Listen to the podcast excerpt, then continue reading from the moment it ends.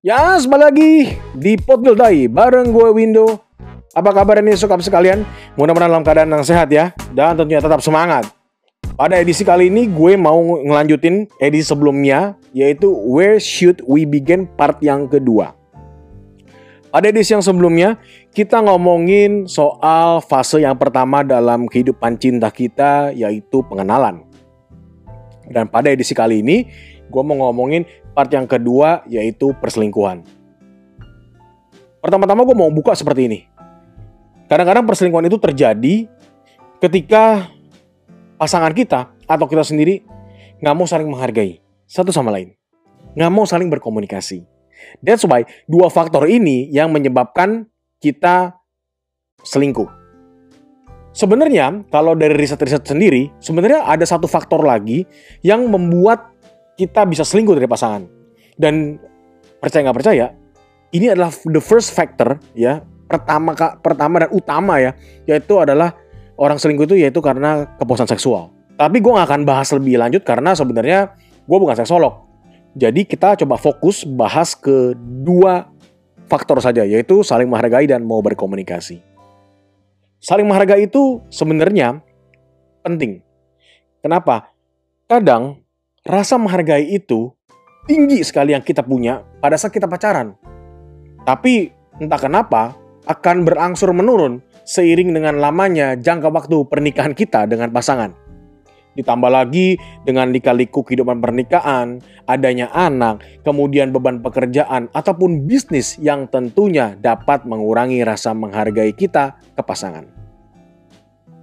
Memang betul ya, setelah kita menikah, beban hidup itu kalau you guys atau para sokap ini uh, bisa ngerasain, dalam membina bahtera keluarga itu bertambah.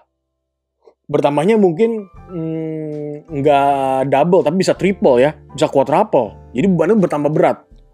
Kita setelah menikah tuh bertanggung jawab bukan hanya untuk diri sendiri loh para sokap sekalian.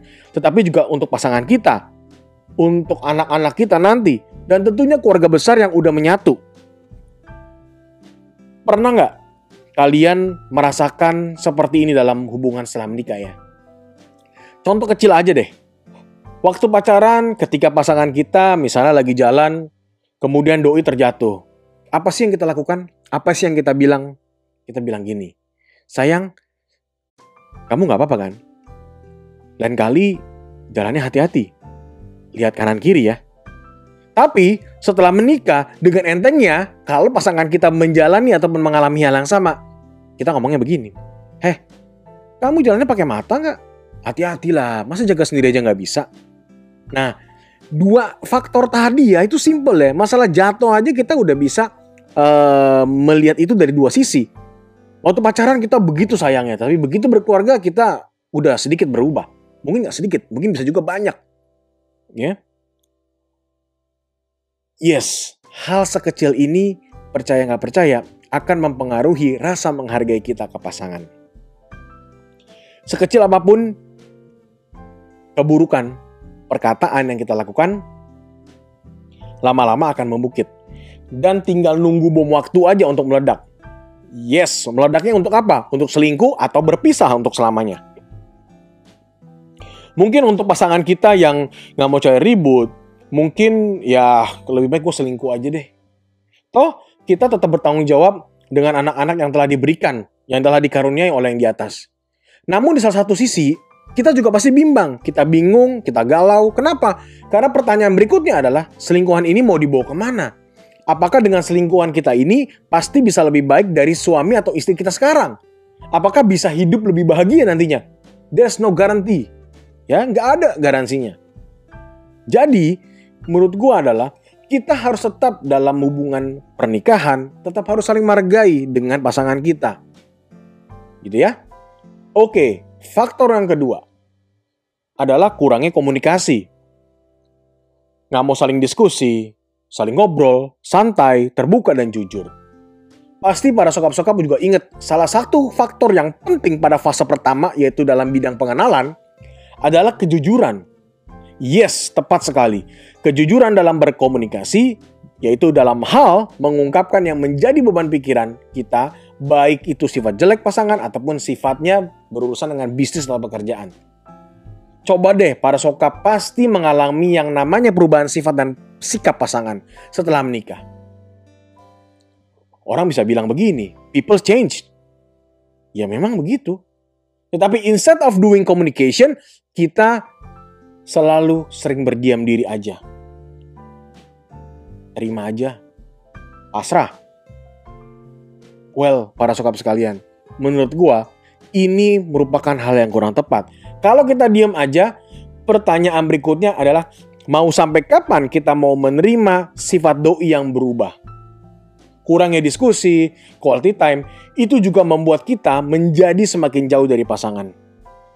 Entah kenapa, mungkin menurut lu orang, itu nggak ada topik lagi untuk diobrolin, didiskusikan ataupun didebatkan. Semuanya serba ya ya ya, dan terima aja. Meskipun dari dalam hati kalian nih kesel, marah, gondok, tapi kita mau ngapain? Kita lebih cenderung diam dan nggak mau ngomongin hal tersebut. Jadi sokap-sokap sekalian, yang mau gue tekanin di sini adalah ketika kita masuk ke fase yang kedua ini yaitu perselingkuhan, kita harus tahu bahwa selingkuh yang terjadi adalah karena faktor-faktor yang udah gue sebutin di atas. Tiga faktor ya. Tapi gue bahas dua faktor aja yang utama yaitu saling mau menghargai dan tentunya saling mau berkomunikasi.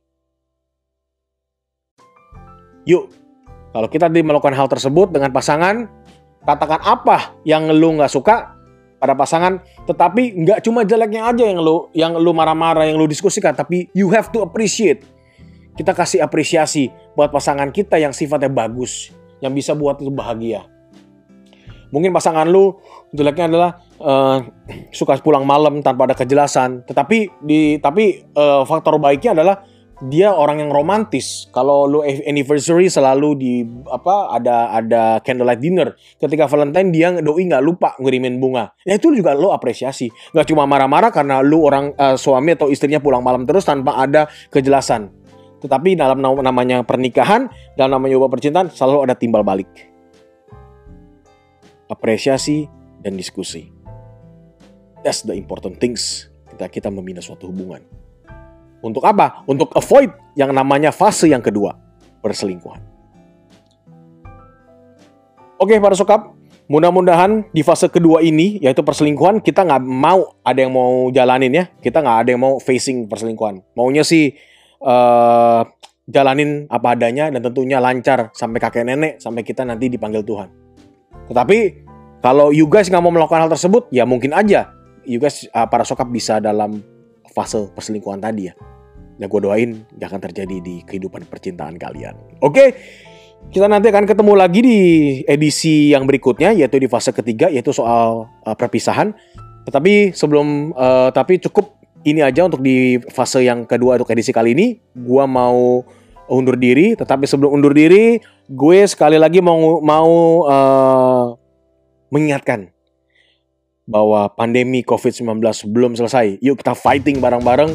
Kita tetap menjalankan protokol kesehatan, memakai masker, mencuci tangan, menjaga jarak, menjauhi kerumunan tentunya membatasi mobilitas.